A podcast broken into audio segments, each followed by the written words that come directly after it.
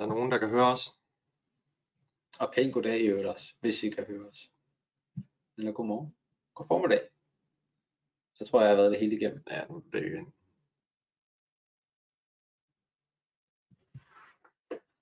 Hvis I, øh, hvis I kan høre os, så må I gerne skrive i chatten, at øh, vi går igennem. Sådan der. Det er meget fint. Tak skal du have. Tak for det, Mark. Velkommen til endnu et ICA podcast webinar. Ja. Øh, og det er, der er nogen her på ICA-konferencen, der sagde, at det var længe siden. Men hvis I kan huske os, øh, så er det måske overflødigt at sige, at jeg hedder Anders, og det er Nick. Og øh, vi skal tale om, øh, om decentrale indkøb. Husk at bruge den hotline, I kan have. Husk at ringe til os, øh, hvis der er noget, der bøvler. Ja, så er det noget. Fanger os på numrene her øh, direkte. Og dem kan man jo ikke se, hvis man er på podcast. Men gå ind på vores hjemmeside, og så, øh, og så kan man se. Og så en øh, tak for sidst til alle dem, vi, øh, vi så på IKIK-konferencen. Ja. Det var hyggeligt. Endnu, det var endnu, en- endnu en rekorddeltagelse, tror jeg det var, I havde. Ja. Øhm, men øh, nu sidder vi trygt og godt hjemme foran skærmen igen. Og vi skal prøve at gelejte jer igennem det her, øh, det her emne, der hedder decentrale indkøb. Og vi bruger sådan cirka, vi har cirka en time til det. Og øh, vi vil meget gerne have, have engagement, hvis der er nogen, der har, der, har, der har overvejelser, eller har erfaringer, eller har praktiske problemer med det. For det er sådan et, øh, det er et af de lidt sjovere emner, Ja. vi har fået det her. Øhm, blandt andet fordi, at, at på, på de decentrale enheder, der, øh, der er det lidt sparsomt. Men Det- hvis vi starter, ja, Det er jo både godt og skidt, at det er sparsomt. nej, det er kun skidt.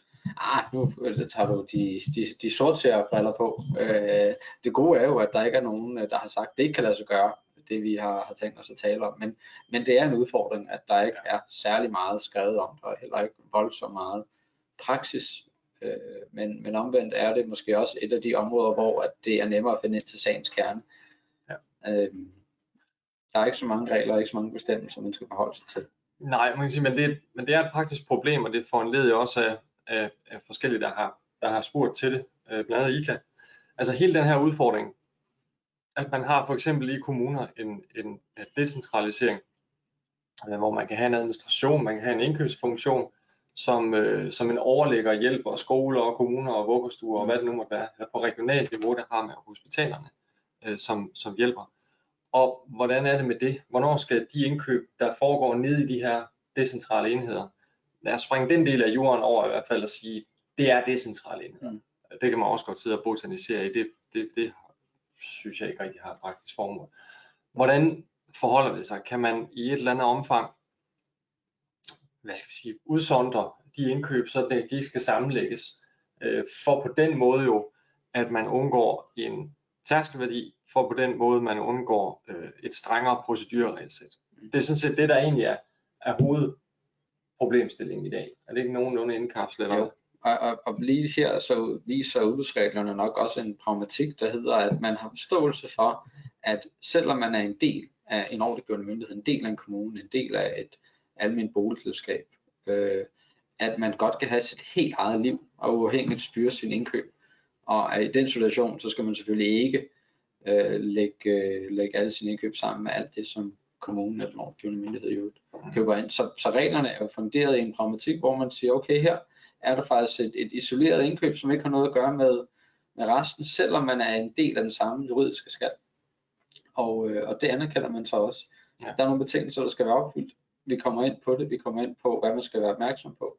Vi kommer også ind på den praksis, der ligger, øh, og, og den, øh, den relativt sparsomme litteratur, der også er på området. Ja, altså for lige at komme tilbage til det praktiske problem, for de af jer, der ikke lytter, men også ser, så, øh, så den slide, jeg har foran jer, der er lavet sådan en lille tegnet visualisering, hvor vi har en, en kommune, øh, og hvordan den er organiseret. Vi har udbud og indkøb, øh, og så har vi så en decentral enhed i form af en skole. Og, øh, og så har vi prøvet lidt at, at, at visualisere, hvordan sådan indkøbs, den praktiske indkøbsvirkelighed kan være for sådan en skole. Så hvis det er fødevarer, så går man måske i Netto. Er det møbler, så går man i Ilva. Men parallelt med det, så har udbud og indkøb jo indgået en aftale. For så vidt angår fødevarer, så kan det være, at det er levering af mad, øh, for eksempel intervarer, eller hvad det nu måtte være. Og for så vidt angår møbler, så kan man have en, en større aftale på, øh, med, med Kinaps for eksempel, som, som leverer skolemøbler, kontormøbler, hvad det nu er. Og uden for kommunens sfære, der kan vi jo have skiaftaler. Vi kan have skiaftaler på øh, fødevarer, vi har 0901, og så har vi også øh, skiaftaler på møbler, hvor vi, hvor vi så er udenfor, men også en, en aftale, som der rent faktisk kan, kan trækkes på. Og så er der også mulighed for andre typer rammeaftaler, klyngeaftaler mellem kommunerne osv., ja. som også er uden for den her kommunale sfære. Hvordan spiller alt det sammen i forhold til beregningsregler? Når vi har sådan en, øh, en decentral enhed som en skole, som skal have en hverdag til at fungere øh, med indkøb også i Netto og Ilva, øh, parallelt med en indkøbsfunktion i en kommune, der skal sørge for, at tingene det også foregår lovligt og inden for rammerne af den korrekte tærskelværdi og det korrekte proceduresæt. Og vi skal også, øh, vi skal også se på, hvad der sker øh, i det tilfælde, hvor skolen handler i Netto, men ja. så også køber et enkelt produkt øh, på kommunens rammeaftale. Nemlig. Fordi udgangspunktet det er centralisering. Altså udgangspunktet er, at øh, vi øh, puljer det hele sammen øh, ud fra et sådan et generelt princip om, om forsigtighed, og ud fra omgåelseshensyn, så skal vi øh, sådan set øh, lægge ting sammen. Og det er i princippet, det er også det andet øh, element, man skal tage med sig, når man overhovedet stiller de her spørgsmål, at man vil ud fra et udgangspunkt se, om man kan, kan splitte værdien op. Det er jo i sidste ende, det er jo indkøbsafdelingerne, det er udbudsafdelingerne, det er ordregiver, som skal løfte bevisbyrden for, at der er tale om de her decentrale enheder, som opfylder den her betingelse, vi kommer ind på senere, der skal til for, at de kan kaldes decentrale enheder. Så det er også et andet element, og det frembyder også en række risici, det frembyder også øh, en, en, en række overvejelser, man skal gøre sig rent øh, hvad skal vi sige, risikoreduktionsteknisk, ja. blandt andet i forhold til, til hvordan man kan, kan minimere sin risiko, men også have skytset klar, måtte der komme en indsigelse, eller øh, Gud hjælpe det, en, en klage. Men scenen er jo ligesom sat med udgangspunktet, øh, som er, at man skal lægge tingene sammen, når man er en del af den samme skal. Øh, og det betyder så også, at når vi arbejder med undtagelser i udbudsretlig forstand, så skal det jo fortolkes indskrænkende og restriktivt. Det vil sige, at man, er man på vippen, er der et balancepunkt, så vil de her fortolkningsregler pege i retning af, jamen, så skal indkøbet sammenlægges. Så, så det er sådan set den ramme, vi har arbejdet med. Øh, det her er en undtagelse til hovedreglen, fordi man vil jo helst ikke have, at man kunstigt øh, begynder at tænke opdeling, og dermed kommer øh, uden om udbudsreglen, i hvert fald fra, øh, fra lovgivers side. Præcis. Det er det, det bagvedliggende hensyn. Og vi, øh, ja, udgangspunktet er jo, vi er jo jurister, så vi må tage udgangspunkt i jorden. Øh, det hele er jo ikke frit, og, og der er det her emne altså lidt interessant.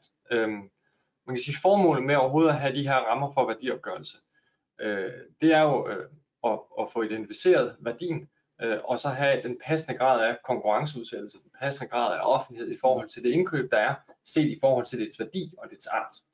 Og formålet er også øh, øh det her forbud mod øh, i udgangspunktet at lave de her kunstige opdelinger, jamen det er, at man ikke skal øh, ud i nogle omgåelsesøvelser, fordi det, øh, det er en skrue uden ende, hvis, hvis man først åbner op for det.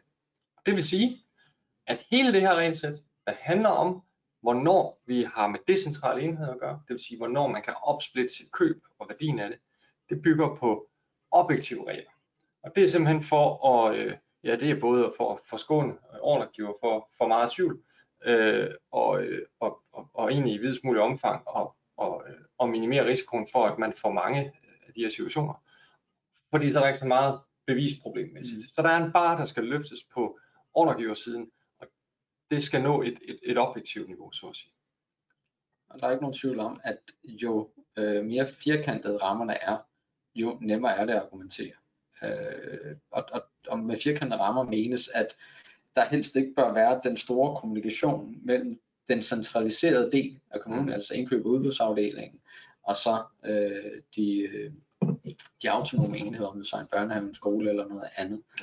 Ja. Øh, ikke, ikke dermed sagt, at man bare fordi man har et telefonopkald eller andet, som bliver fanget, at man så skal sammenlægge det hele. Men firkantede rammer er jo nu altid en god øh, start. Øh, det er i hvert fald med til at understrege, at der er en autonomi, og der er en selvstændighed, og at man ikke trækker på, på viden eller ressourcer eller købekraft, som er opmagasineret, opmagasineret i, øh, i en central afdeling. Ja. Men ja. Vi øh, er firkantede rammer, som burde det være i alle dele af tilværelsen. Ikke? Ja. ja. Det så bliver vi også lidt filosofiske. Uha. lad os, lad os vente med, øh, Sådan en rigtig djøf, sådan en rigtig djøf tilgang. ja, lad os vente med livsfilosofien øh, Nej. til, til senere. Vi, øh, vi har et udgangspunkt, som siger, at de her decentrale indkøb, det vil sige, de køb af stole, der foregår i børnehaven, de, øh, til børnehaven, de køb af stole, der foregår til skolen, de skal sammenlægges. Den værdi skal akkumuleres øh, på samme måde med hospitalerne, de indkøb, vi har i de regionale hospitaler, hvad det nu måtte være, forskellige steder, afdelinger og afsnit osv., de sammenlægges. Og undtagelsen, den klare undtagelse, det er alligevel ikke. Faktisk så kan vi anskue de her indkøb hos de forskellige børnehaver, hos de forskellige skoler, som decentrale enheder. Det vil sige, at deres værdi beregnes for sig, hvis, og her kommer de her to ord, det er lidt forskelligt, hvad man kalder det, det kommer vi ind på, men, men man siger, vi siger selvstændigt ansvarligt, det tror jeg godt, vi kan, vi kan knytte det op til. Og det er altså i groft fortegnet, og det skal vi nok komme ned i, det er, at børnehaven, skolen eller hospitalerne eller afsnitten, de klarer selv deres respektive indkøb. På stoleeksemplet, så er det jo, at man så selv håndterer købet af stolene nede i Ilva, som jeg sagde. Og, og med selv menes, at man egentlig også har tilvejebragt til at aftale grundlaget. Og det kommer altså. Det kommer altså. Ja, Ja, uha. Pas nu Var på, det- spoiler. Du vil være frygtelig at se Game of Thrones med. Så spørgsmålet, million Jeg med at spørgsmål. afsløre serie. Ja, det var godt. Afslutninger senere hen. Men det, det centrale er, hvad, hvad er selvstændigt ansvarlig i den her forbindelse? Ikke? Det er det, der bliver, bliver kernespørgsmålet. Øhm, og det kommer vi til at, at hoppe ind i. Først skal vi øh, lige tale lidt om, hvad det er, vi arbejder med. Fordi når vi laver de her præsentationer, øhm, så jeg kan ikke huske noget som helst i hovedet. Det er der øh, nogen, der kan, og det må være vidunderligt. Det kan jeg ikke. Du husker også. Du har sådan en Jeg fotografisk hukommelse. Jeg og jeg kan ikke ting i hovedet. jeg kan ikke huske, hvor jeg var for fire minutter siden. Så jeg er nødt til at skrive alt ned. I den her, der er der ikke særlig meget at skrive ned. Der er ikke meget at huske. Fordi lige præcis det her tema øh, er ikke øh, beriget med, med, med meget praksis eller med mange overvejelser og meget litteratur. Der, er- der, er, der er sgu ikke frygtelig meget omkring det her tema. Kommer ind på, at selve paragraf 31 udbudsloven jo er en, en nyere omgang. Der ligner selvfølgelig, hvad der har været før. Men på, på kendelsespørgsmålet, der er der altså ikke mange øh, ubehagelige klagetyper, advokater, der har fået den idé, at nu skal vi øh, tæske en ordregiver ud fra den her betragtning. Nej. Selvom jo egentlig, at det her omgåelseselement er jo noget, man sagtens kunne forestille sig kunne være et helt legitimt klagepunkt. Men vi har altså ikke så meget. Jeg tror, øh, groft så har vi i hvert fald seks kendelser med, som sådan nogenlunde berører det. Øh, Vi har en, der sådan er direkte inde og tale om bestemmelsen øh, fra 21, men ellers er det jo sådan nogle, er det sådan nogle, nogle, nogle indirekte elementer. Og så ved vi, at der kommer en, en ny kendelse i øh, en gang i løbet af den næste måneds tid, eller i oktober måned, om, om det her spørgsmål, øh, som specifikt går på, øh, på udbudslovens øh, Ja. bestemmelser, men, øh, men den, er ikke, den foreligger jo nu, den er baserende.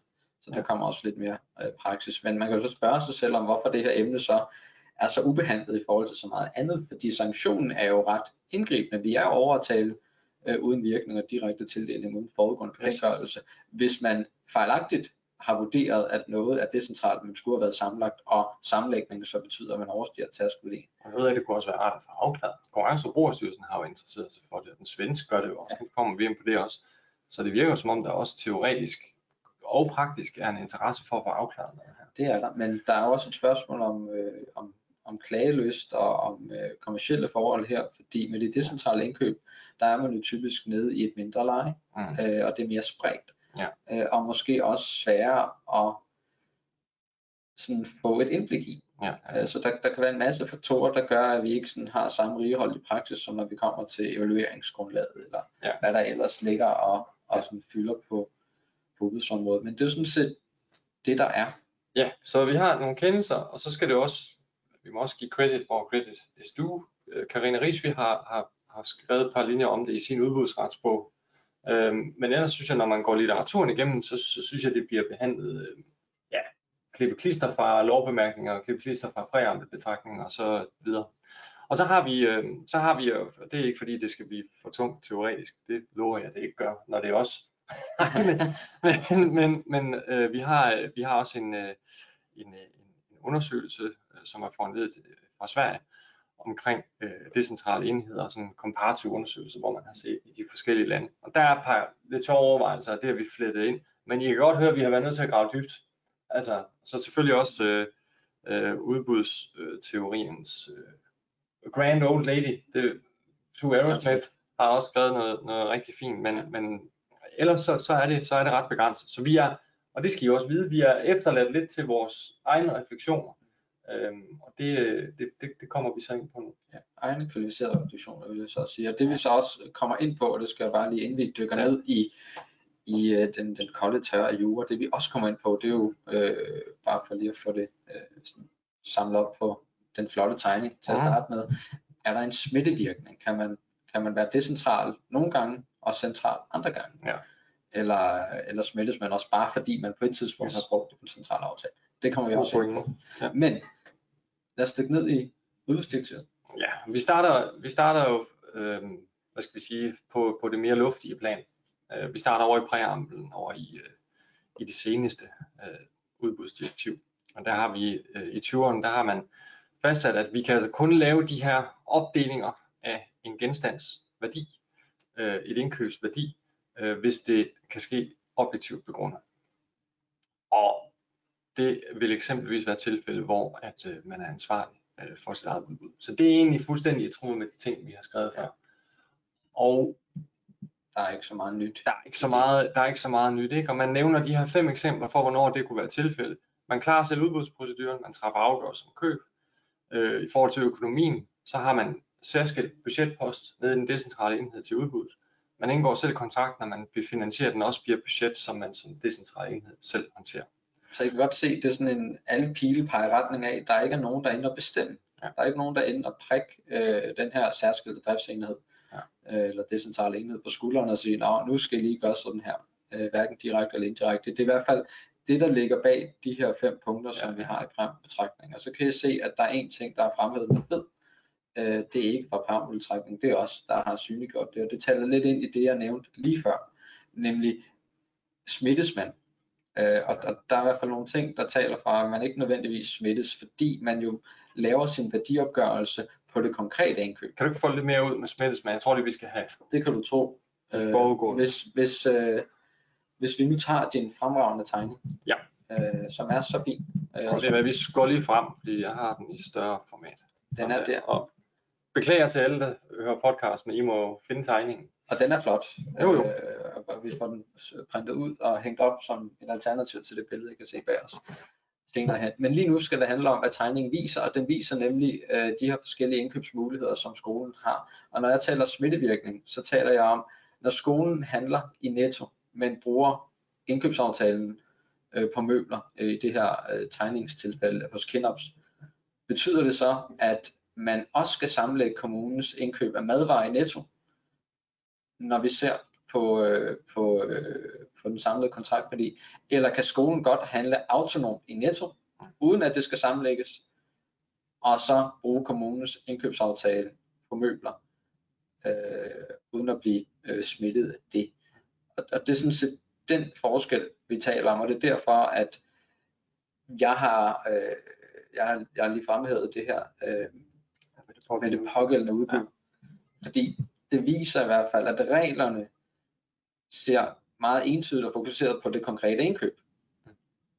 Og det får os til at, at sige, jamen så bør man også have mulighed for i andre tilfælde at kunne agere fleksibelt forstået på den måde, at man med det konkrete indkøb kan være decentral, men at man på et andet område, og det er jo vigtigt, ja. Øh, at det er et andet område, så også kan bruge en, øh, en fælles indkøbsaftale. Om det så er en, der er tilvejebragt af kommunen, øh, et indkøbsfællesskab eller via ski, det er jo, det er jo mindre vigtigt. Ja, så, så det vil sige, det at, at man som skole bruger øh, indkøb, udbud og indkøbs kommunens rammeaftale ja. på X, Y eller Z i en forbindelse, øh, afskærer ikke nødvendigvis en fra at være en decentral enhed, som selvstændig køber ind, hvis indkøb ikke skal sammenregnes med alle de andre decentrale øh, behov øh, i anden sammenhæng. Der er faktisk en, måske en, en konkret altså det, det virker for hver type indkøb. Ja. Og så skal vi så også finde ud af, hvad højden for det der med det pågældende område, hvad fanden det betyder. Det, det har vi så også lidt om senere. Præcis, men det er det, vi, vi, øh, vi har fokus på, når vi ja. taler smittevirkning. Fordi faren er jo, at man har en masse enkeltstående indkøb, som hver for sig er under tastværdi. Fordi man har et afsæt, der hedder, jamen det er decentral indkøb, eller de her indkøb, selvom der er nogen af dem, der puljes, så skal de ses som isoleret siloer. Og så kører vi øh, i hvert fald udenom afsnit 2, fordi vi undertager skrålin. Men hvis en af de her siloer faktisk ikke skulle have været en silo, fordi man på en eller anden vis har brugt købekraften, eller i hvert fald haft en eller anden vejledning fra det centraliserede, jamen så vælter hele læsset. Og så er det jo uden virkning på det hele. Så det er faktisk vigtigt lige at være, være fuldstændig klar på, hvad det er, der gør, og hvad det er, de enkelte enheder gør, så man ikke lige pludselig ender ud med øh, den her øh, sådan indgribende sanktion med uden virkning også øh, øh, en, en økonomisk straf oveni. Yes. Vi ruller lige tilbage. Det var præambetragtning. Det var nemlig præambetragtning, som vi knyttede op. Blev knyttet op på se, hvordan jeg fik indarbejdet din tegning. Det var meget, meget flot. Ja. Og, og når vi bevæger os videre fra præambetragtningen, så går vi så hen over i den konkrete bestemmelse, den konkrete artikel, som vi har i direktivet, det er i artikel 5 stykke 2. Og der står der sådan set, at, at man siger, jamen de decentrale enheders øh, indkøb i forhold til værdiopgørelsen medregnes. Tjek, det har vi sagt omkring 30 gange nu. Men hvis man selv er ansvarlig for sin indkøb, øh, så kan det skilles ad. Så det er, det, det er egentlig fuldstændig lige til i forhold til selve, i forhold til selve præambetragtningen. Det der så er interessant i forhold til en dansk kontekst, fordi vi jo den her gang med det her direktiv valgt med virkning fra 16 at implementere øh, reglerne i dansk lov ved lov øh, med, med udbudslov. Men der har man altså øh, fundet anledning til at skrive den her paragraf 31 stykke 3. Den har vi sådan set bare øh, øh, gengivet her. Øh, man, har, øh, man har indsat øh, hvad hedder det, formuleringen selv ansvarlig. Ikke? Man er selv ansvarlig for den pågældende kontrakt. Og så har man indsat tre øh, betingelser, som konstituerer, hvornår man så rent faktisk er selv ansvarlig for en kontrakt. Og øh, den ene er, at man står selv for at gennemføre udbudsforretningen. Man har selvstændigt budget for det pågældende udbud, øh, som man råder over som decentral enhed, altså skolens eget budget. Og at skolen, nu nævner jeg skolen, fordi jeg tænker, at vi lige skal godt forankre det i et eller andet øh, øh, hvad hedder det, eksempel, ikke benytter en indkøbsaftale, der er indgået af ordregiveren. Ordregiveren her, kommunen, ja øh, som, som styret af en, en indkøbsfunktion. Så man kan sige, udbudslovbemærkningerne, og der har vi lige lavet en, en sammenstilling, øh, får jeg lidt til, supplerer lidt, øh, men grundlæggende så har man altså fået den her, øh, den her betingelse 5. Vi har lavet sådan to kolonner i sliden, og det vil jeg altså anbefale også for dem, der kun lytter til at se på et tidspunkt det er øh, paragraf 31 stykke 3, som taler om den her decentrale enhed. Hvornår det er, at man selv er ansvarlig. Hvornår det er, at ens indkøb skal afsondres værdimæssigt øh, fra indkøbsafdelingens øh, samlede indkøb af, af, af de samme ydelser. Jamen, der har man der har man suppleret lidt i formuleringerne, men man har jo introduceret i særdeleshed den her femte betingelse. Det første det er, at man klarer selv udbudsproceduren, man bestemmer også selv tildelingen, Øh, man råder selv over økonomien i forhold til det her udbud. Man indgår selv kontrakten, man finansierer selv kontrakten, altså budget og kompetence ligger hos en decentral enhed. Og at man altså ikke benytter en indkøbsaftale, der er indgået af ordregiveren. På det konkrete område har man så tilføjet. På det konkrete område ryger med fra lovbemærkninger. Præcis. Og det er jo med til at understøtte øh, det, som vi havde fremhævet med fed fra, øh, fra direktiv. Ja, og vi kommer, og, og vi kommer, vi kommer til at rulle de her fem betingelser igennem, ja. øh, og, og, og lige ser på, og, og igen, bær over med os, fordi der er ikke meget hjælp at hente i, øh, i hvad hedder det, i regler, i, øh, i litteratur eller i praksis. Men jeg synes faktisk, når man ser på, på formuleringen i udbudsdirektivet kontra den, den danske implementering, så synes jeg faktisk, at den danske implementering er rigtig god, fordi den, den angiver øh, sådan ret overskueligt, hvad er det, vi skal være opmærksom på. Og så er det jo altid en konkret vurdering med, om man opfylder de betingelser, men den er, den er mere detaljeret og giver os flere faste holdepunkter at, ja. at gribe fat i, end selve udbudsdirektivet. Og man kan sige, det som vi oftest kommer til at stå tilbage med, øh, eller som holder flest kvaler med mm. vurdering, det er, hvad der ligger i, om man selv har stået for gennemførelsen af udbudsforretningen. Ja, ja, ja. For de andre elementer er måske lidt mere objektivt konstaterbar, altså hvor man selv indgår kontrakten, og har man det selvstændige budget, øh, hvem jeg synes, den der, okay, jeg synes, den der selv indgår kontrakten over for træffer beslutning om købet. Det er jo en tillidsbeslutning op i etteren, ikke? kompetencen til at træffe tilling. Ja. Øhm, og der ser vi også nogle gange, at en, en tillidsbeslutning øh, godkendes i, øh, hvad hedder det, i et udvalg, et politisk udvalg i en ja. kommune for eksempel. Ikke, det, det er ikke så tit vel, det kommer lidt an på, hvad det er. Øhm, men i forhold til den, der selv indgår kontrakten, den, den kommer vi også nærmere ind på, hvad den må indbyde. Det må være i forhold til den, ja, den skal vi ikke sige, den, måske ikke den juridiske enhed, men i hvert fald den enhed øh, selv, selv indgår den, eller hvordan det skal forstås, ja. eller om der er et sammenfald mellem et og tre, om det er forskellen på en tillidsbeslutning, eller du skriver under. Præcis. Men det må vi lige tage. Det, det er der kvalerne øh, Ja. Men, men I kan se fem, fem betingelser, som, som vi, øh, vi synes, det giver mening i fraværet af, af andre oplysninger lige at, at, at lure på i forhold til det her. Så det, det, der er interessant at spørge om i forhold til betingelse 1, det er jo, hvornår står man til for en udbudsforretning? Altså, øhm, hvis vi ser på ord i, i de forskellige regelsæt, vi har, vi har listet op her og kigger på præambetragtning, der bruger man formulering som forestår udbudsproceduren, træffer afgørelse om køb, selv indgår kontrakten. Og, og det er jo med vanlig stil fuldstændig øh, revet væk fra virkeligheden, når det kommer til direktivet. Ja. Det er altid sjovt nogle gange, hvor langt væk det kan føles fra, fra, fra de realiteter, man sidder med i hverdagen. Men, men det lyder lidt som om, at vi, øh, at vi skal lægge en udvidende fortolkning på det her frem for en indskrænkning. Ja, helt bestemt. Det, det støtter jeg fuldt ud. Ja, det, det, tror jeg, det tror jeg også er, er det, det væsentlige. Og så kan, man jo, så kan man jo spørge sig selv, jamen hvad med, øh, hvad med sådan nogen som os? Hvad hvis vi kommer ind over i forbindelse med en decentral enhedsindkøb? Hvis der er mig, vi bliver sat til at, øh, at hjælpe ud med, med en skoles indkøb af stole, for eksempel, hvad det nu kunne være. Så vi har jo nogle gange været på nogle decentrale opgaver. Det kan være, som det gør. Ja, whatever. Skolerengøring. Men, Det er rigtigt, men tabletstenen vi har haft, har tit været på, på, Centralt. på, på, ja, på centralt niveau, ikke også? Så, så hvis nu vi, vi kommer ind, øh, dur det så for eksempel, at regningen bliver betalt af udbud indkøb? Hvad tænker vi der? Det, det tænker jeg er et issue. det er det jo. Hvis det bliver øh, betalt af øh, den pågældende øh, øh det, altså centralt styret enhed, altså hvis det nu er for eksempel, øh, hvad hedder det, øh, hvad hedder det, børn og unge, eller unge og skoler, hvis det nu er dem, der, der, der, der betaler for, for regningen for os, ikke? hvor er vi så hen? Så bevæger vi os også ud af det decentrale. Det er jo ikke bare et spørgsmål om, at vi bevæger os ud af indkøbsfunktionen. Øhm, så man må nok antage, at man kan godt hive sådan en, en udbudsrådgiver ind, men det skal komme fra den her budgetpost, Præcis. øh, som man selvstændig råder over som decentral enhed. Det må være det mest nærliggende. Altså den her, den her isolerede enhed, lige så snart den rækker ud øh, i det centraliserede miljø, øh, og uanset på hvilken måde den rækker ud, øh, om det er Ja. via, at, at det centraliserede miljø betaler en regning, eller på en eller anden vis understøtter aftaleindgåelsen, så gribes, øh, så gribes indkøbet af, af bestemmelsen om, at det hele skal lægges sammen. Og så er man ikke det centralt længere. Øh, Og spørgsmålet er, hvor meget skal der til ved, ved opkaldet til indkøbsfunktionen? Vil det, vil det være nok til at bringe den decentrale enhed ud af sin autonomi? Øh, hvor ligger snittet? Det det er jo selvfølgelig svært at sige. Et, et simpelt enkeltstående opkald om, hvorvidt man har en aftale eller er forpligtet af aftalen, kan være til at overse.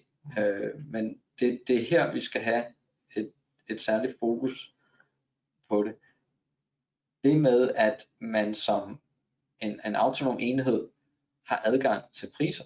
Det kan godt være, at man ikke er en del af en, en aftale. Men hvis man nu har adgang til priserne fra, øh, fra møbelaftalen, Mm. man skal ud og købe stole. Mm. Der er indgået en aftale med en møbelleverandør, og man kender priserne fra den her møbelleverandør. Og så går man øh, hen ned i den lokale Ilva og siger, om jeg kan få den her stol til den her pris. Øh, kan I matche det? Det er den enkelte skole, der selv har forestået indkøbet, har besluttet det, øh, men de bruger jo noget viden, og de bruger den købekraft, der har været med til at presse prisen ned på det centraliserede del, til at udlægge en bedre pris. Det vil jeg også mene, ganske klart, fanges, øh, men det er jo svært at, det er jo svært at, at få indblik i. Det er, jo, Mm. det er jo svært at se, at det, det, det er det, man gør. Men Nok også der, hvor der ikke er så mange klager. Jamen lige præcis, det, men jeg er, helt, jeg er fuldstændig enig, at, at det, jo, det kan være derfor, at der, der er lidt mindre fokus på området. Ja. Men ikke desto mindre, så har man efter min vurdering ikke selv forestået sit indkøb, når man har trukket på den købekraft eller de ressourcer, der ligger i den centraliserede del. Så hvis jeg ringer til en af udbudskonsulenterne, jeg sidder nede i en skole, jeg ringer til en af udbudskonsulenterne, jeg er simpelthen i tvivl om, hvordan jeg får sat det her i værk. Hvordan bruger jeg EU-supply til det her, eller hvordan, øh, hvad må jeg? må jeg? Må jeg ringe? Må jeg godt tage dem med til en markedsdialog? Må jeg godt mødes med dem, når vi har sat det i værk? Så siger du, nej, så er smitten sket. Ja, og det, det er jo det, fordi så kategorisk, selvom jeg vil ønske, at alting var så kategorisk og firkantet, Ja, i alle dele af Øh, livet. I alle dele af livet, præcis, så blev vi filosofiske igen. Nej, så, så er spørgsmålet om funktionaliteten af, af EU-supply øh, nok mere teknisk end andet. Så den, den blotte henvendelse til indkøbsfunktionen, øh, synes jeg ikke sådan, har som refleks, at man så lige pludselig bliver en del. Men det er jo meget positivt, fordi det er jo det der, altså tit har de jo deres egen budgetpost. Tit har de jo selv beslutningskompetence til meget af det. Tit har de ikke indkøbsspecialisering. Nej. Så, øh, og, men det, det vi så taler om, det er jo, hvor tæt må du så, hvor tæt må du så komme. Altså så et opkald bliver til, øh, kan du ikke lige hjælpe med det her? Ja, eller, eller den viden, man så får via opkaldet, og det, det er jo der, det bliver så farligt. Så hvis man skal gå med livrem og seler, som vi jo nogle gange godt kan lide at gå med, øh, selvom det ikke er det allerflotteste i verden, så, øh, så bør der være en, en, en, en afsondring mellem kommunikationen om, om det konkrete indkøb, Ja, ja. hvis man er en decentral enhed. Og så er der kommet et spørgsmål. Øh, Det bedste i hele verden, det er næsten som sådan at holde jul to gange. Det er, når der bliver stillet et spørgsmål, som vi har taget højde for senere hen i slides. Meget værre, hvis det er et spørgsmål, jeg skal til at slå op i en bog, så ved jeg slet ikke, hvor jeg skal gemme mig, så I ikke kan se mig. Nej, der er en, der spørger, om det samme gælder, hvis der er en central retningslinje eller vejledning på for eksempel kommunens intranet. Det kunne også være en indkøbspolitik, kunne vi lege. Øh, dermed har den enkelte enhed ikke øh, direkte haft kontakt med indkøbsafdelingen, og det kommer vi nærmere ind på, fordi det, det har vi faktisk. og meget det, det kribler og Ja, det er så fedt. Nej, Men- skal ikke gøre det. Men jeg svarer ikke. Øh, jeg, jeg siger bare, at det, det er ikke kontakten i sig selv, der er udvirkende. Det er, hvad det er, den decentrale enhed har med fra det centrale hold. Om, om hvordan det påvirker øh, processen. Ja. Det er nok sådan, det må ses, når man øh, skal fortolke det her med, at man selv skal stå på udbudsforretningen. Det er rigtigt. Det er rigtigt. Men jeg tænker, det er vi nogenlunde der i forhold til betingelse 1, ikke? at der er en længere tekst i, i præstationen her, der handler om, jamen, hvis man skal søge godkendelse fra myndigheden fra indkøb til at gøre noget for at sætte det i gang, til at tildele, så taler det imod, at man ikke selv står for det. Mm. Øh, Det, det, det er de der øh, nuancer, ikke? i hvilken grad af autonomi man har med sin udbudsforretning. Spørgsmålet er, om man ikke kan få råd, men så længe alle beslutningerne træffes af en selv, så længe iværksættelsen sker, og alle de her ting, så er vi nok stadigvæk over i forestår i et eller andet omfang. Og jeg tror, hvis man ser det i en klage øh, sammenhæng, så tror jeg, og det er i hvert fald det, den tendens, vi ser fra klagenævnets side, at man faktisk begynder at forholde sig til realiteten. Ja, har der været et, et, et ønske, øh, eller i hvert fald en fremstår det sådan, at man har ville køre udenom udbudsreglerne, eller er der en realitet i, at man er autonom, men bare i et konkret tilfælde har behov for at rådføre sig, men uden at det har haft en betydning for den konkrete Ja. øh, indkøbsproces. Øh, så det, det skal man også være opmærksom på. Klagenævnet er faktisk gået ind og se lidt mere på, hvad er det egentlig, der er sket. Øh, og det er jo både på godt og ondt. Mm. Øh, der har været nogle opsigtsvækkende kendelser i andre sammenhæng, Ja. hvor man går ind og egentlig sanktionerer en adfærd. Ja. Øh, som ellers ikke har været sanktioneret adfærd. Korrekt. Men igen, det var betingelse 1, og hvis vi hopper over i, øh, i betingelse 2, vi har altså opstillet det som betingelse på Ja. den her måde, vi har valgt at systematisere det, så, så hvad skal vi sige, så stringent er det heller ikke øh, formuleret i hverken bemærkninger, eller love, eller direktiv, eller præambel. Men, men det er de her faste Men holdepunkter, det er de her holdepunkter, vi har med at gøre. Det og, og som er så fint med implementeringen i, i, i udbudsloven. Og, og den anden er sådan, synes jeg, umiddelbart lidt mere til at have med at gøre, at man har et selvstændigt budget, øh, man selv har rådevne over, øh, og så står for udbuddet også. Den, den kommer jeg også sådan til at tænke over. Er det så et budget dedikeret til udbuddet? Men, men, men det centrale er i hvert fald, at budgettet ikke skal godkendes af andre. Det skal være den decentrale enhed, der har råderetten over det, og øh, kan godkende det her budget osv., og det ikke ligger i, i, i en anden øh, decentral enhed, eller central enhed. Og der kan jo være, øh, der kan jo være en masse smittevirkninger i forhold til budgettet. Der kan jo i skolebestyrelsen sidde et medlem af kommunalbestyrelsen, øh, og, hvordan, hvordan vil det så? Men, men isoleret set, så er det ikke noget, som uden videre øh, fører til, at man ikke er decentral længere. Nej. Man har Det ser jeg meget groft sagt fået en pose penge, Mm. og den måde, man forvalter de penge på, det skal være øh, den, den enkelte enheds øh, egen beslutning på, på det her konkrete indkøb. Enig. Den tredje hedder, at selv indgår kontrakten. Og, og den, øh, som jeg også sagde før, den har jeg sådan lidt svært ved at, ved at placere, men, men det er jo, at man, man selv øh, er på den, i forhold til, at der for eksempel ikke er andre decentrale enheder, som kan trække på den. Altså hvis, hvis det er en, en fælles aftale med andre decentrale enheder, altså så bevæger vi os i hvert fald et andet sted hen. Man kan måske diskutere, kan decentrale enheder i sig selv være så autonome, selvstændige ansvarlige, at de ikke rammes af, at vi skal have sammenlagt værdien. Det begynder lige pludselig at blive lidt underligt nu. Det, gør det, men, men, men der er jo en realitet i det i praksis. Det kan der, der, er jo, øh, der er jo på, på mange områder forskellige grader af autonomi. Ja. Hvis vi tager daginstitutioner, så arbejder mange kommuner med klynger, øh, og en klynge består af flere selvstændige daginstitutioner inden for et givet geografisk område i kommunen. Ja. Så du har kommunen, så har du under kommunen så den her klynge, og så har du så øh, under klyngen øh, et, et par daginstitutioner. Øh, og, og hvor er autonomien så her?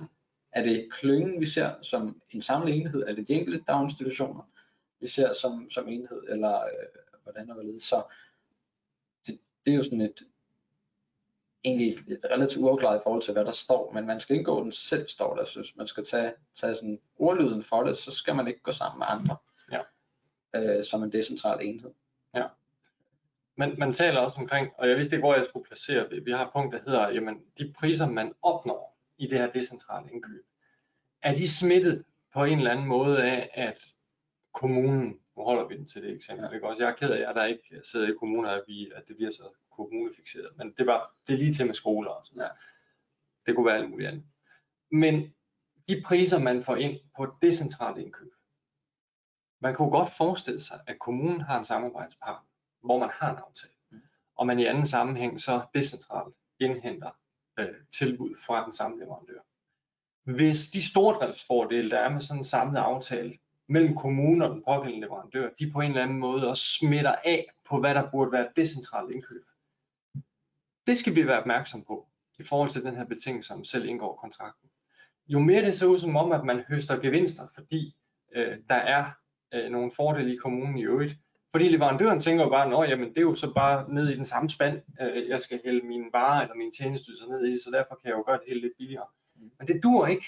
Altså, i, i den yderste konsekvens kan det jo være udtryk for, at det ikke er decentralt indkøb. Ja. Så for mig at se. Så vi så lige arbejder videre med et eksempel ja. øh, om, øh, om skolen, der går i Ilva øh, og, og beder om et prismatch. Det var, det var jo meget ja. tydeligt, at der havde man ja. trukket på noget købekraft fra, det centraliserede. Dit eksempel, det er, at man ringer til Ilva og beder om det her møbel, og så Ilva egentlig i egen drift siger, jamen det skal du have til den her pris, eller hvem det nu engang er. Vi har jo en aftale med jer. Lige præcis. Vi har en aftale med jer, så den klarer vi til den og den pris. Ja. Ja. Uden at man øh, egentlig selv som, som autonom enhed har udvirket noget, eller påvirket noget, eller haft noget ønske om at påvirke noget, men man per automatik får den gode pris, eller den skarpere pris, end man ellers ville opnå. Ja. Øhm, bringer det os væk fra det decentrale? Det synes jeg jo lidt. Yes. Jeg tænker, vi går videre til betingelse 4. Selvfinansiere kontrakt. Ja. ja. Jeg synes, det, jeg synes, vi er lidt det samme sted i forhold til det med budgettet. Ikke? Præcis. Altså man har fået en pose penge i forhold til det konkrete indkøb, og den skal man selv forvalte uden nogen øh, godkendelsesprocedurer øh, som sådan. Så det er sådan set der, vi, vi er. Øh, ja. Og jeg tror bare, vi her hopper videre til den, den rigtig spændende. Ikke? Jo. Den femte betingelse, den som jo er introduceret i dansk ret, som indskrænker råderummet. Altså det, det, det mener jeg, at vi ret oplagt kan sige. Ja. At, at den, den indskrænker råderummet for at foretage de her indkøb på men, den her måde. Men det giver også mening. Jeg synes, jeg synes den, er, den er rigtig, når vi ser på, hvad udgangspunktet skal være. Ja, ja, ja, jeg synes bare, det er så, ja.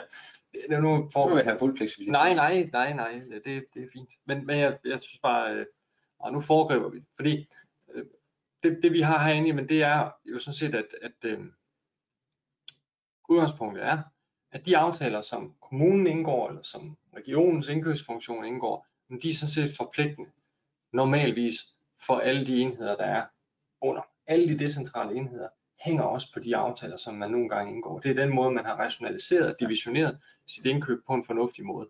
Vi ser det jo sådan helt karikeret også over i forsyningssektoren. Der har man jo gjort det længe. Ikke? Der har vi en, en en forsyningsvirksomhed, som divisionerer sig i, øh, i selvstændige enheder, øh, for på den måde rationelt at kunne supportere. Det er så særligt sjovt, fordi at de her forskellige decentrale enheder jo har forskellige pligter, eller ikke pligter. Nogle af dem er jo helt kommersielle og uden for udbudsreglerne, det er jo fiber.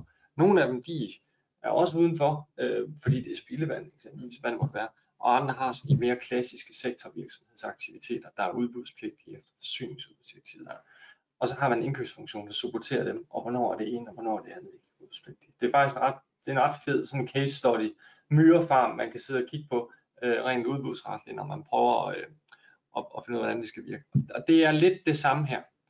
Øhm, vi, må, vi må altid spørge, jamen, i forhold til det her med, at man ikke benytter ordregivers indkøbsaftale, øh, jamen så siger vi blandt andet i lovbemærkningerne, at man må ikke bruge eksisterende aftaler på det konkrete område. Og det er det her med det konkrete område, synes jeg, som, som må blive det fuldstændig afgørende. Nu har vi tegningen her, men den springer vi lige over. Eller nej, nej, jeg vil bare lige tage Karinas. Jeg synes egentlig, det var, det var okay. Vil du have ros for tegningen igen? Nej, nej, nej, det søger jeg ikke. Så havde det været på hver anden side. Jeg, faktisk, jeg, jeg synes, det er for meget. Øh, nej, det med, det med smittevirkning, som vi siger, det der er spændende, det er det her det konkrete øh, område. Og det er egentlig bare lige for at have noget at spille bold op af, fordi øh, vi har i den her bog udbudsret, der har Karine Ries jo også været inde og kommentere det, at skolen kan altså ikke gå ind og købe madvarer decentralt, det vil sige tage ned i, hvad det var, vi kaldte for netto, og samtidig øh, få madvarer leveret på kommunens aftale. Ja. For der er vi inden for det, man siger, det konkrete område, ifølge Karina Så skal indkøbene sammenlægges. Så skal indkøbene sammenlægges, så kan vi ikke længere splitte dem op. Men skolen, som både øh, gerne vil have købt noget ned i Netto, øh, og eller alternativt bruger kommunens rammeaftale med interval, hvad det nu er, og samtidig skal købe møbler.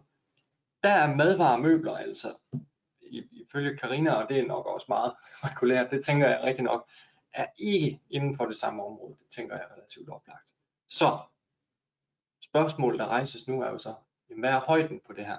Hvornår er to aftaler inden for det samme område? Vi kigger også på for eksempel øh, bygge- og anlægsarbejde osv., når vi skal sidde og, og vurdere, øh, hvor en, en, en kontrakt skal henføres til. Er etableringen af et solcelleanlæg, er det bygger og anlæg, eller er det en tjenestydelse, osv. osv., osv. Jeg tror, den samme inspiration kan vi nok godt få her og så gå ind og se på, jamen, hvad er det for nogle typer, der leverer den her ydelse? Er det forskellige leverandører, hvis vi er i tvivl om det er inden for samme konkrete område? Det kunne godt være en type madvarer, og noget, der ligner noget derhen af, det kunne være, hvad du kan finde i et supermarked. Og så se på, jamen, hvem er det, der leverer de her ting? Okay, men supermarkedet har jo det brede sortiment, så det er ikke så godt. Det, der vil rigtig meget være inden for det konkrete område, ikke også? Så, så, så det er i hvert fald et inspirationspunkt, man kan tage. Hvem leverer til de her ting? Hvis man udbyder dem i stort omfang, fordi typisk er de decentrale indkøb jo mindre, vil man så normalt adskille dem eller sammenlægge dem? Hvordan, hvordan, øh, hvordan har historikken været i forhold til udbudsretligt og, og, og opdelt? Og så selvfølgelig øh, den, den, den klassiske centrale og kedelige, det er jo CPV-træet. Ja. Altså hvor, hvor, hvor indplacerer vi øh, de her forskellige øh, ydelser i CPV-træet? Er de forskellige steder, eller er de underpunkter til øh, CPV-træet? Man kan jo have fødevarer, så kan man have æg, og så kan man have whatever, hvad det nu måtte være. Altså der ligger i sig selv en, en øvelse i den her grænsedragning, for så vidt angår, om det er inden for det konkrete område, eller om det ikke er. Præcis. Men det, det, som, det som der også er, hvis du prøver, prøver at hoppe lidt tilbage ja. til øh, den her, nej, ikke, ikke tegningen Desværre. Ja, desværre. Men den her er, fordi det, det her med smittevirkning har jo også betydning for, hvis man er decentral, så betyder det jo også, at den indkøbsaftale, den rammeaftale, som den centrale indkøbsfunktion udbyder, jo ikke inkluderer den decentrale enhed. Så der bør jo i den ideelle verden være en symmetri, at når man udbyder øh, fødevarer, eller man udbyder rengøring eller andre områder, at man så også skriver, jamen, at den her rammeaftale indbefatter ikke de her enheder. Er det, er det et krav, at det står der? Det mener jeg ikke men symmetrien bør jo være der. Altså det burde jo være sådan, at man vidste, at den her decentrale enhed styrer indkøbet selv, så derfor kan vi godt skrive, at den ikke er med i udbud. Så man ikke efterfølgende risikerer, at, øh, at man egentlig vælter et læs, mm. øh, eller at øh, den enkelte institutions indkøb faktisk skulle have været inkluderet, og den ikke kunne, kunne agere decentralt. Så det skal, man, det skal man selvfølgelig lige være ops på. Og så det sidste, jeg vil nævne i forhold til den her betingelse, det jo falder lidt tilbage på det spørgsmål, der kommer hvis man søger viden på intranettet som en decentral enhed, eller hvis der er en indkøbspolitik, øh, som gælder for kommunens indkøb generelt, eller hvis der er anbefalinger om, man gør noget, hvor, hvor vidtrækkende er det så? Øh, det, igen, den viden, man søger på intranettet, er jo tilvejebragt via en centraliseret indkøbsfunktion. Så der bruger man noget viden fra det centraliserede til at optimere sin egen købekraft. Øh, så afhængig af, hvad det er, der ligger, hvordan det ligger, så kunne man godt argumentere for, at det er med til at fjerne det decentrale fokus.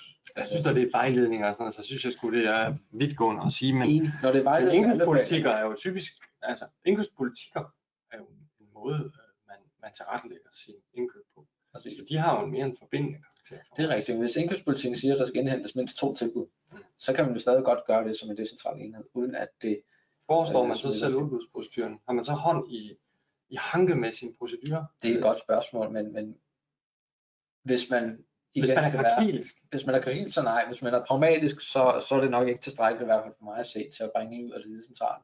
Det handler mere om, hvilken indvirkning det har på det konkrete indkøb. Mm. Øh, hvordan bindes man der? Ja. Øh, får man bedre priser? Køb dansk. Eksempelvis. det, Ja. det, det, det, er jo- det er jo en måde at, at implementere det på. Ja. Men der er i hvert fald en overvejelse at have her i forhold til ens indkøbspolitikker, fordi alle har indkøbspolitikker. Alle har indkøbspolitikker for, hvad for nogle klausuler, der skal introduceres. Og, og nogle gange synes jeg godt, når man læser øh, bemærkningerne, når man læser præamblen, at det lyder som om, at det skal være 100% autonomi. Mm. Og det er det ikke, hvis, hvis du skal introducere, altså strengt taget, kontraktvilkår omkring social. Altså nu kommer der selvfølgelig også nogle nye bindinger med, med de nye regler, det ved jeg godt, det, det er så for, for, for overtærskel med de. Men, men stadig. Ja, og, og, og grunden til, at vi overhovedet taler om det på den her måde, og måske lyder lidt krakilsk, det er fordi, at som vi talte om indledningsvis, så er scenen jo sat forstået på den måde, udgangspunktet er, at det skal sammenlægges. Ja. Altså vi er jo over i en undtagelse, der hedder, hvornår det alligevel så kan køre sit, sit eget øh, lukket, øh, køre sit eget lukket kredsløb. Så, så når man er i tvivl, og, og det er man jo i de her gråzoner, jamen, så er der i hvert fald en pil, der peger retning af, jamen, så må vi jo sammen. Øh, så jo mere autonomi, jo mindre berøring med den centrale indkøbsfunktion, jo bedre på alle lederkanter eller med den centrale forvaltning. Mm. Jo bedre. Det er sådan det, er sådan det, det regelværk, vi har Ja. øh, på området. er vores, vores, øh, vores bud på, på forståelsen Ja. af, af, hvad der skal til for, at man er den her selvstændigt ansvarlige enhed, Ja. for at man derved kan indkøbe selv, og at værdien af ens indkøb ikke skal sammenlægges øh, med den centraliserede indkøbsfunktions indkøb af varer på det konkrete område, for ligesom at få alle de der begreber. Det, det er, det er sådan set, tror jeg, vores, hvad vi har på det. Og det vi egentlig ville bevæge os lidt ud nu, det var at kigge lidt på noget praksis. Præcis. Og der, det, er jo, det er jo udmyndning af reglerne. Noget af den her praksis, eller det meste af den, er jo faktisk fra før udbudsloven. Men, Ja. men udbudsloven og også udbudsdirektivet er jo et eller andet sted en kodificering. Ja, og, og hele, lige præcis, og hele kontraktværdioopgørelsen er jo, er jo funderet i sådan en helt grundlæggende udbudsretlig overvejelse, fordi hvis det falder sammen, hvis du kan omgå det, Mm. så er det jo slut med udbud, så kan du skalle dig som du har lyst. Øhm, Yes. Men en af de sådan 20 år tilbage til 20 år tilbage, men en af de kendelser, som, som øh, stadigvæk øh, har vægt i dag, det er, jo, det er jo den her kendelse, og den Ja, vi angår, skal lige sige på den der podcast, vi taler om kendelse af 25. november 2002, Skovsen mod AAB, og det handler om almene boligselskaber og deres præcis, og de er jo organiseret anderledes end, øh, end en kommune eller andre ordregiver. Den almindelige boligsektor er jo speciel, og, og består jo øh, i det her tilfælde, i AB's tilfælde i hvert fald dengang, af en række boligafdelinger, som var en del af den samlede juridiske skat. Men, men hver afdeling levede jo sit eget liv, liv, og vi har et beboerdemokrati i den almindelige boligsektor, som gør, at man har en, en meget høj grad af autonomi, og egentlig også øh, synes, man havde det dengang. Så derfor havde man egentlig øh, besluttet fra de enkelte afdelingers side, at man egentlig bare kunne indkøbe øh, det, man nu engang ønskede Mm. at indkøbe af, af hvidevarer. Og øh, man har sin helt egen forvaltning som boligafdeling. Man har egne indtægter, det er jo lejeindtægterne. Der er udgifter, der kører selvstændig afdelings- og regnskaber. Øh, der er en, en, øh, en, en selvstændig konto til vedligeholdelse og til, til driften. Så på rigtig, rigtig mange områder, så kører man fuldstændig autonomt. At man, man er sin egen lille sfære som en boligafdeling. Ja, og så er der den her underlige beslutningsproces, som der blev synliggjort i den her sag, fordi den handlede jo sådan set om, øh, ja, det var noget hvidevarer, ikke? Det var indkøb af nogle hvidevarer. Spørgsmålet er, øh, hvordan tingene kunne splittes op eller ikke splittes op, og på den måde man kommer under tærskelværdien. Men jeg synes noget af det mest interessante her er jo, hvis vi ser på, øh, nu, nu kan vi kalde det for øh, boligforeningen, det er jo den overordnede, det er jo kommunen, den centraliserede ordning, og, og afdelingerne vil jo så være de decentrale enheder, det er jo så skolerne eller vuggestuerne, eller hvad vi nu kalder dem, hospitalerne. Det, der er jo sjovt med beslutningskompetencen, altså det her med at kunne indgå kontrakten selv, eller kunne forestå processen, det er, at boligforeningen, den centraliserede del, at de skal sige OK til dispositionerne. Men hvis de ikke gør det, så røg den videre til kommunalbestyrelsen. Så det var sådan en, ja, sådan en underlig, øh, hvad hedder det, øh, første, øh, første, øh, første instans, man jo nærmest blev i forhold til de beslutninger, som de decentrale enheder, de skulle træffe. Så normalt så var afdelingerne, de var sådan set autonome, de kunne træffe deres egen beslutning, øh, og de gjorde det også uafhængigt af de andre afdelinger, som, som Nick han var inde på, jamen, så havde de deres eget budget, de har deres egen kompetence, egen regnskab. De har deres eget liv. Og selvom der er en eller anden binding til den centrale afdeling, det er der også i en kommune med skolen. Budgettet kommer et sted fra, pengene kommer et sted fra. Men det handler om, om, om den måde, man forvalter og beslutter det på. Ja. Øhm, og der, der var klagenævnet jo egentlig øh, forstående og anerkendt også, at her var der ikke tale om en omgåelse. Øh, selvom man som udgangspunkt skulle øh, sammenlægge, så mener man, at man i det her konkrete tilfælde havde den fornødende autonomi som en enkelt boligafdeling. Ja. Så man ikke skulle sammenlægge det. Men, men det var også fordi autonomien i realiteten var til stede. Ja, man sagde, altså jeg tror det der kunne afgørende, den her vetoret for boligforeningen, væltede det tingene over sådan, at boligforeningen pludselig blev ordregiver, og, øh, og de her boligafdelinger nedenunder, sagde afdelinger først. Det kan vi jo. Vi skal være helt skarpe. Ja, boligforeningen havde den her vetoret, men var betinget af, at kommunalbestyrelsen bagefter nikkede til den veto.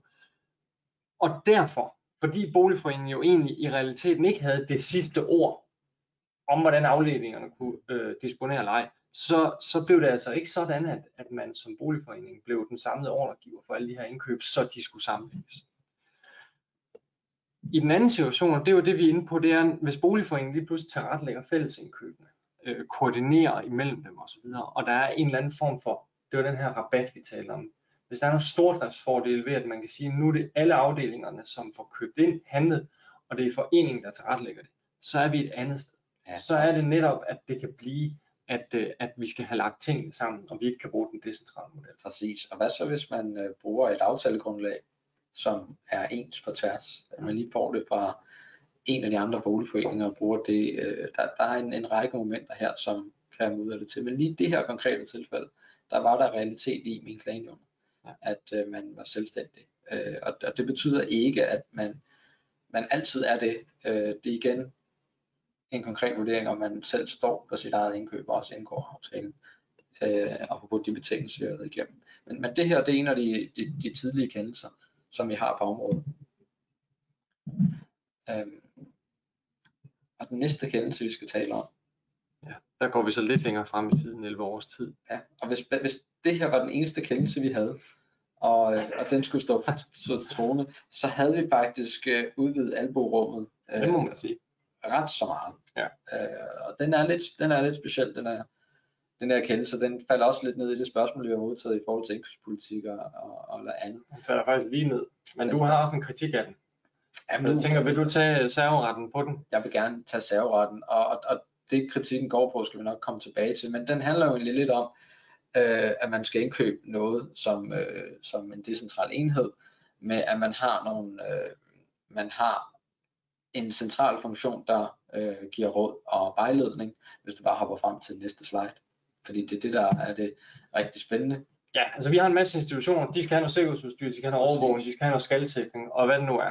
Og, øh, og så var der en rar mand, øh, fordi øh, det ser ud som om, der har været en eller anden form for afhøring, det kan jeg ikke huske, men han fortæller i hvert fald om, hvordan vi har gjort det på den samme måde altid. Det vil sige, at man rådgiver de her institutioner om, øh, fra Beredskabscenter Aalborgs side, hvad er godt, hvad er skidt, hvad skal I tænke over, når I får det her ind.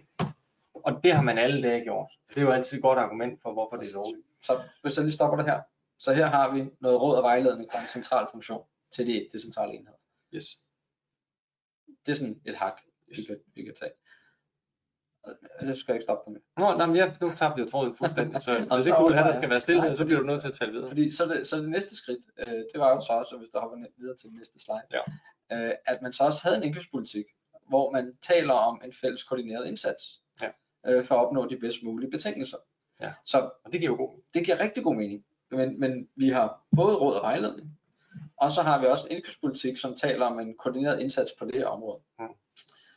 Øhm, og, øh, og, og det var noget, som var en rød klud øh, for, for klager, som mente, at det kunne ikke hænge sammen. Øhm, det De er ikke selvstændige, de eller? er ikke selvstændige. Nej. Præcis, og det, det dur ikke. Og, øh, og jeg synes, opsummeret i klagers kritik, så er det det her, I kan se på sliden. Ja. Det er, at indklaget sender med sin indkøbspolitik det signal, at der foretages indkøb som en samlet ja. enhed. Så når man siger, at man koordinerer, så må det jo også betyde, at det hele er forbundet. Lige præcis. Og man dermed har, er det ikke decentralt. og man har en rådgivende funktion, som, som er central. Ja, og man har den, ja lige præcis, det er det andet element, ikke? det var jo, at beredskabscenteret jo efter eget udsagn var inde og hjælpe og bistå hver enkelt ting, så du havde ligesom sådan alle fader, der kunne gå ind og fortælle, det er sådan her, det hænger sammen tværs af de decentrale, eller ikke Yes. Og kommunen er øh, selvsagt ikke enig i det, og, og forklarer, hvorfor det her alligevel ikke øh, skal sammenlægges, fordi man har de her selvstændige enheder, de er geografisk uafhængige, og de er teknisk uafhængige, de bliver indgået på forskellige tidspunkter. Ja, de Der er i hvert fald en, en Ja. masse argumenter for, hvorfor det ikke skulle være. en masse gode argumenter. Og det er gode argumenter, men man kan bare ikke sige sig fri for, at der skal ikke mere end et, og det er ikke et dårligt argument, men et argument i den anden kurv, Ja. til at, at smitte hele indkøbet. Mm. Øhm, det som klagenævnet når frem til i den her sag, de konstaterer egentlig bare, og det er jo en bisætning, det er jo ikke deres afgørelse. De konstaterer bare, at det ikke følger af den her indkøbspolitik, øh, at samtlige kontrakter skal bedømmes under et. Det er sådan, det, det, det vi har med fra den kendelse. Og hvis man sådan, tager det ud af en kontekst og ser isoleret set på det, så har vi klagenævnets ord for, at øh, jamen, selv med en rådgivende funktion, og selv med en indkøbspolitik, der taler om en koordineret indsats og bedst mulige vilkår, øh, så kan man stadig være decentral. Det skuer rigtig, rigtig meget i mine ører.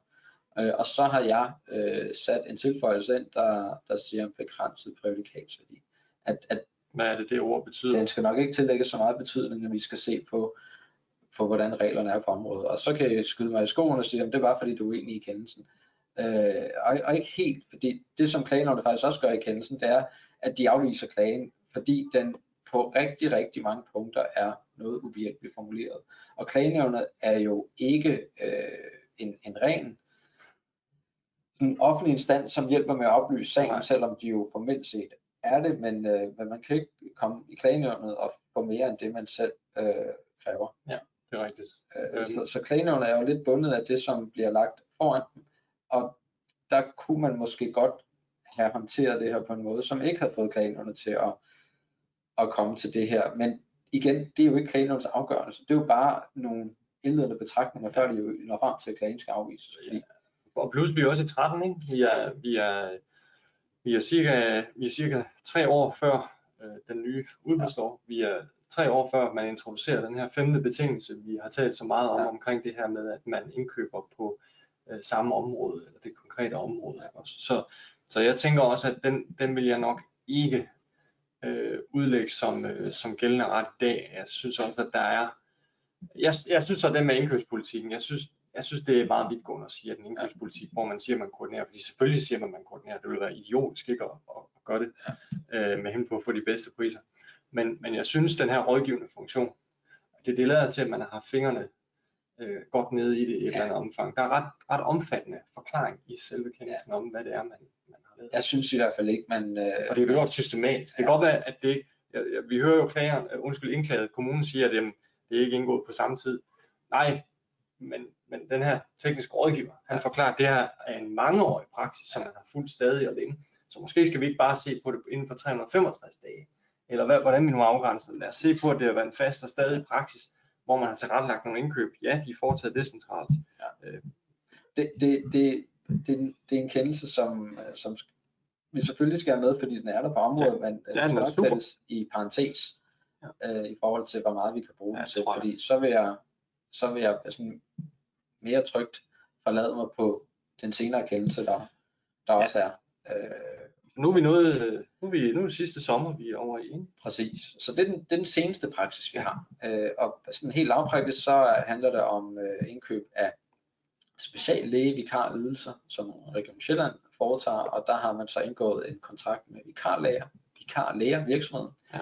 øh, efter gennemførelse af et udbud, og så parallelt med det øh, indgår man en aftale med en anden virksomhed uden udbud for et specifikt sygehus øh, på Nykøbing Falster. Og jeg tror, det centrale centralt at få med her, uden at gå for meget ind i det, det er, at man har lavet en ret betydelig omorganisering af øh, ressourcerne og den måde, man har øh, behandlet på. Øh, og så ved vi jo også alle sammen, at øh, det behov, der er for læger generelt i Danmark, og, og de vanskeligheder, der er på sygehusene, de er ikke små. Øhm, og, og, og der i ligger selvfølgelig også noget af det. Og, og spørgsmålet er jo i vidt omfang, om den her kontrakt med Surgery Team, som er indgået med, læg mærke til det, kirurgiske afdeling Nykøbing Falster sygehus, det er den decentrale enhed i den her diskussion, ikke? Eller er det den decentrale enhed? Det er jo det, Over for Region Sjælland, ikke? Ja. Det er det centrale. Og, og det som klager siger, det er jo, at man, man, man bruger igen indkøbsfunktionen Ja. fra centralt hold Ja. til at indgå aftalen. Og man, man siger også, at, øh, at regionen er ordregiver, og, og det argument i sig selv er jo ikke tilstrækkeligt. Nej. Øh, men, De siger også, det er en stor kontrakt. Det er en Så stor det er kontrakt. et sjovt argument. så det er, sådan, det er sådan deres kerne, at øh, man har haft noget involvering fra centralt hold. Ja. Øh, og det er, det er regionen selv sagt ikke enig i. Øhm, Øh, kommer en masse gode argumenter for, hvorfor det er så. Og ja, grundlæggende, det, det er jo, man taler om ansvar, ikke? De decentrale indkøb er ikke i det tværgående center, men det springer også lidt et argument over, ikke? Allerede der siger du, at det er et decentralt indkøb, så derfor ligger ansvaret. Altså, det er lidt sjovt. Det, det, det giver øh, mening. Man laver også køb i de decentrale enheder. Yes. Øh, det dia, øh, organisationsdiagram, man har, og det er ret sjovt igen også i den her sag, ligesom i den tidligere sag, der er der nogen, der har været inde og kigge på nogle hjemmesider. Fordi hvis ikke man er inde og finde indkøbspolitikker i Aalborg Kommune, så er man inde og kigge på organisationsdiagrammet, Ja. hvor der jo fremgår selvfølgelig, ligesom der gør i alle andre sammenhæng, hvor man har en indkøbsfunktion, et diagram, hvor den her indkøbsfunktion selvfølgelig øh, supporterer alle de enheder, der ligger under øh, for at tilrettelægge deres indkøb. Det, det er selvfølgelig det, man har, man har fremlagt her. Øhm, og som du er inde på, ikke? Man siger, man bistår med, med rådgivning, men når det handler om at træffe beslutning, når det handler om øh, opfølgende på aftaledelen, contract management delen og betaling, det er ude i øh, de decentrale enheder, i det her tilfælde den her øh, kirurgiske afdeling. Præcis. Øhm, og tilsvarende, når det kommer til, hvem det er, der køber vikarlægerne osv., det er sygehusene eller de afdelinger, der er der. Og det er sygehusene afdeling, der vurderer behovet. Øh, og i sidste ende er det så også ledelsen i de decentrale enheder, der har, det er jo altid et S, man kan kaste ud i en udbudssag. Øh, hvis der er et lægeligt eller sundhedsfagligt ansvar, så er det tit noget, der er selvfølgelig øh, med god grund også er meget tungt vejende. Så det, Så- det er de argumenter, de følger Ja, op på. og, og de argumenter er jo, er jo helt reelle. Der, der har tydeligvis været nogle, nogle helt savlige og faglige overvejelser om, hvorfor man skulle lave den opsplitning, hvorfor man skulle indgå en separat aftale for øh, sygehuset, øh, i modsætning til, til den, den fælles rammeaftale, som er udbudt ellers. Så, så her er der både en, en realitet og også en, en virkelighed, som tilsiger, at man godt kunne, kunne se det her som en decentral enhed. Men ja, det, det sjove er så med kendelsen, ikke? det er jo, at altså, vi tager den her kendelse frem, fordi der behandles paragraf 31, Mm. men den behandles jo alligevel ikke rigtigt. Nej. Fordi klagenævnet er jo sådan set nede og... Den er sjov på grund af argumenterne, Mm. men det som klagenævnet egentlig bare konstaterer tørt, øh, det er, at de begrundelser, der er for, at man har lavet en omorganisering af de her opgaver for kirurgien osv., ændrer ikke rigtig på noget. Kontrakten har en værdi, der er over tærskelværdien. Og det er lidt et punktum derfra. Ja. Øh, det- Man vælger faktisk også, man, man skriver, jeg tror, jeg det er citeret her, det samme gælder regionens anbringer vedrørende paragraf 31, herunder sygehus skulle være ansvarlig for kontrakten som decentral enhed. Det er lige meget, fordi vi har slået fast, at den her kontrakt skulle have været udbudt, Ja. fordi den selvstændigt Overstiger så hvad, kan vi, hvad for en værdi har den her øh, kendelse? Jeg synes at set, at argumenterne i begge retning er, er, er fine og synliggørende. Jeg synes, jeg synes det er, øh, jeg synes, det er, øh, det er helt i tråd med også den praksis og de parametre, der bliver lagt vægt på øh, i, øh, i, i, i udbudsloven og i, i lovbemærkningerne. Og det er nok det, vi kan bruge den her til. Så Ja. vi har, den er ikke, det er ikke en klokkeklar kendelse, der fortæller os lige præcis, hvornår man decentralt selvstændig. Men den kommer formentlig, den kendelse, fordi vi har, Ja. som jeg sagde indledningsvis, en baserende sag øh, for klagenævnet, som specifikt handler om øh, paragraf 30, altså om sammenlægning af kontaktværdi, og paragraf 31 om de her decentrale enheder, øh, undtagelsen. Så det, det kan være, at vi bliver klogere, øh, og, øh, Ja. og får en, en berigelse. Ja, lad os da håbe, det bliver en berigelse. også, Også, for, også for os i forhold til, at vi vinder. Det vil da være rart. det vil der være ret, ja. Øhm, vi kommer nu til de udbudsrettige risici. Det, Ja. det skal vi have med. Øh, der er også et spørgsmål, som jeg egentlig synes er okay. Øh, godt. Faktisk rigtig godt. Der spørger om, betyder det så, at decentrale enheder ikke må benytte for eksempel en kommunes paradigmer, udkast til standardkontrakter, rammeaftaler med videre? Og, det- og, og her mener vi ikke, at man trækker på rammeaftalerne, men om Nej. du må tage en skabelon fra indkøb, eller fra en anden decentral enhed, og klippe klister. og, og sådan skud fra hoften, som alligevel er kvalificeret af, men man fanges, fordi et kontraktgrundlag, en skabelon, er jo en del af et aftaleforhold, som ikke kun handler om pris, det handler om fordeling af byrder øh, og rettigheder. Og, øh, og de byrder og rettigheder har jo, har jo betydning for øh, den aftale, der indgås. Også om man får en bedre aftale, Mm. fordi man bruger de paradigmer, som ligger og udviklet øh, og forfinet i indkøbsafdelingen. Så jeg er nok sådan lidt, ah, lidt loren ved det. Men, øh, men igen, Jeg synes, det er svært det der, fordi man kan sige, jeg synes, jeg synes måske, at hvis svaret skal være nej på Alexanders spørgsmål, så er det, så er det en indirekte årsag for mig at se. Så er det fordi, at når du replikerer øh, vilkårene øh, i en kontrakt, som er indgået med kommunen, og som måske er indgået med andre decentrale enheder, øh, så skaber du også ligesom øh, øh, i på leverandørens side en opfattelse af, at det er bare en stor masse, hvor det er de samme vilkår så, så, så laver du sådan en harmonisering af vilkårene nede i de decentrale enheder, og så bliver aftaleforholdet, om det er med den ene eller den anden, det bliver de facto det samme. og du får også bedre vilkår, fordi du trækker på noget. Ja, ja, du får stordriftsfordelen, ja. men, men det som Alexander måske bare spørger til, det er, jamen det handler også bare om, øh, at der sidder jo ikke nødvendigvis en indkøber nede i den decentrale enhed. De skal bare have noget materiale. De har sådan set ikke noget behov for at en ensartet gørelse af det hele. Og i det lys, at det bare handler om at, at få et dokument, så man kan køre sin indkøbsproces igennem decentralt, altså så, så tror jeg, at mit temperament siger, at så, så er jeg mindre nervøs for det. Men du kan bare meget hurtigt ende ved, uden at ville det, at lave sådan en, en fælles indkøb, men på forskellige aftaler, fordi vilkårene så bliver identiske. Så jeg synes ikke, jeg synes ikke, det er entydigt problematisk. Jeg tror, man skal bare gøre sig selv bevidst om, hvordan de bliver brugt, og hvordan de bliver forstået på leverandørsiden. Ja, og, og så har vi jo hele tiden den her byrde for skulder, der hedder, jamen, øh, det er en undtagelse. Klart. Yes, yes. Jamen, jeg er helt enig. Øhm, og, og der er en, der skriver også til med skabelonerne, så er det noget, man vil indhente alle andre steder for os. Om det er den, man plejer at bruge i kommunen, burde være lige meget. Og det er jeg for så vidt enig i, men igen, min pointe er, hvis du ligesom ensartet gør alle vilkår i alle decentrale enheder med for eksempel den samme leverandør eller den samme ydelse, så kunne det godt tale for i hvert fald, at du på en eller anden måde udvisker det decentrale. Det, det, det, synes jeg, det synes jeg selvfølgelig, man skal være opmærksom på. Men Står jeg tror, jeg er mindre bekymret for de der skabelon og alt det der. Du er måske mere jeg er lidt mere loren ved dem, Ja. og, øh, og det er nok der, vi lander i dag. Så øh, sådan, ring til Nick Hotline, når du, øh, når, når du, er, Når når du har en god dag og vil have den ødelagt, og så ring til mig i stedet, hvis øh, det er træls og godt. Sådan, sådan, sådan kunne man så får du solen til at skinne. Lige præcis. Det er du kendt for. Godt så.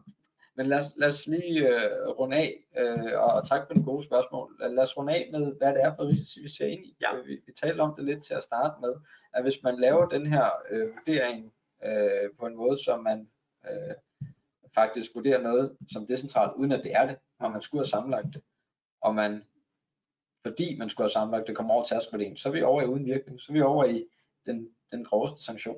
Ja, I, det tørre tæsk. Altså det er, det er det absolut værste, der kan ske. Ikke? Det er uden virkning, så det vil sige, at du bliver pålagt at bringe til ophør, og så får du så oveni en, en regning Mm. for en økonomisk sanktion, det er så kun 5%. Hvis vi ser helt lavpraktisk, Ja. så vil det jo decentrale indkøb være mindre aftaler, men de skal jo forstås i den samlede.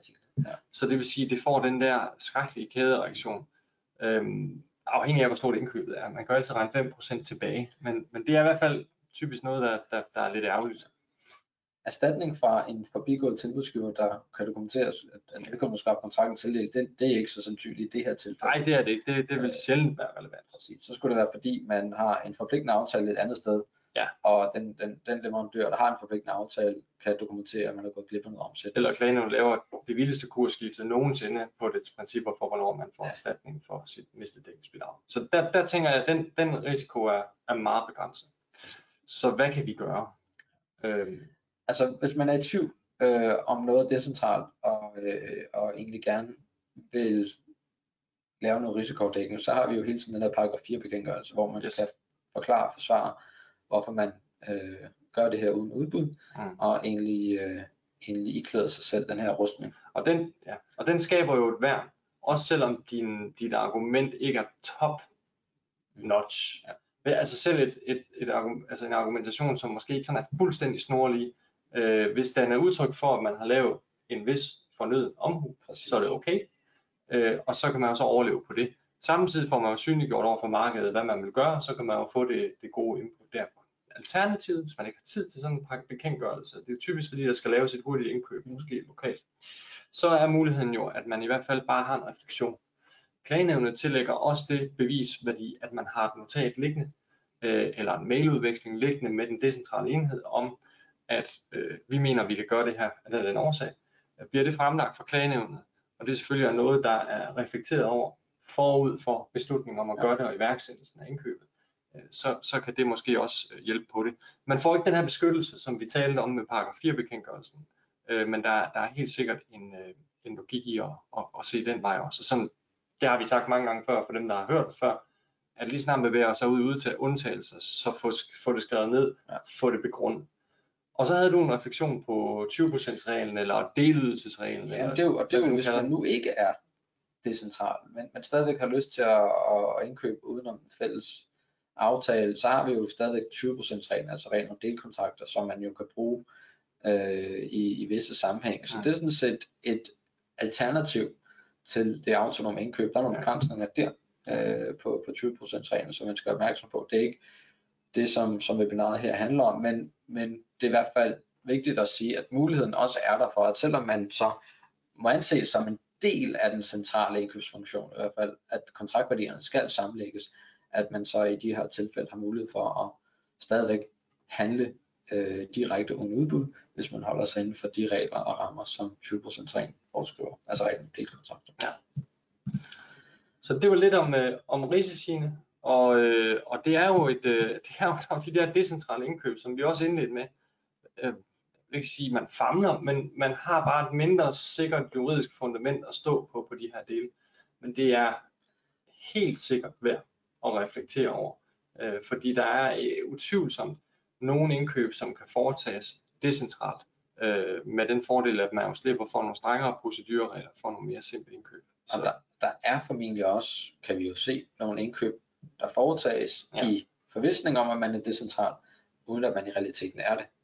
Ja, det er det andet element. Øh, Så, så det, det måske lige at åbne øjnene og se, hvordan får vi organiseret det her på en måde, så vi sådan opretholder de her firkantede rammer, som jeg så godt kan lide. Korrekt. Og man må sige, at, at nu har vi en klagesag, hvor vi får en konkret stillingtagen til spørgsmålet.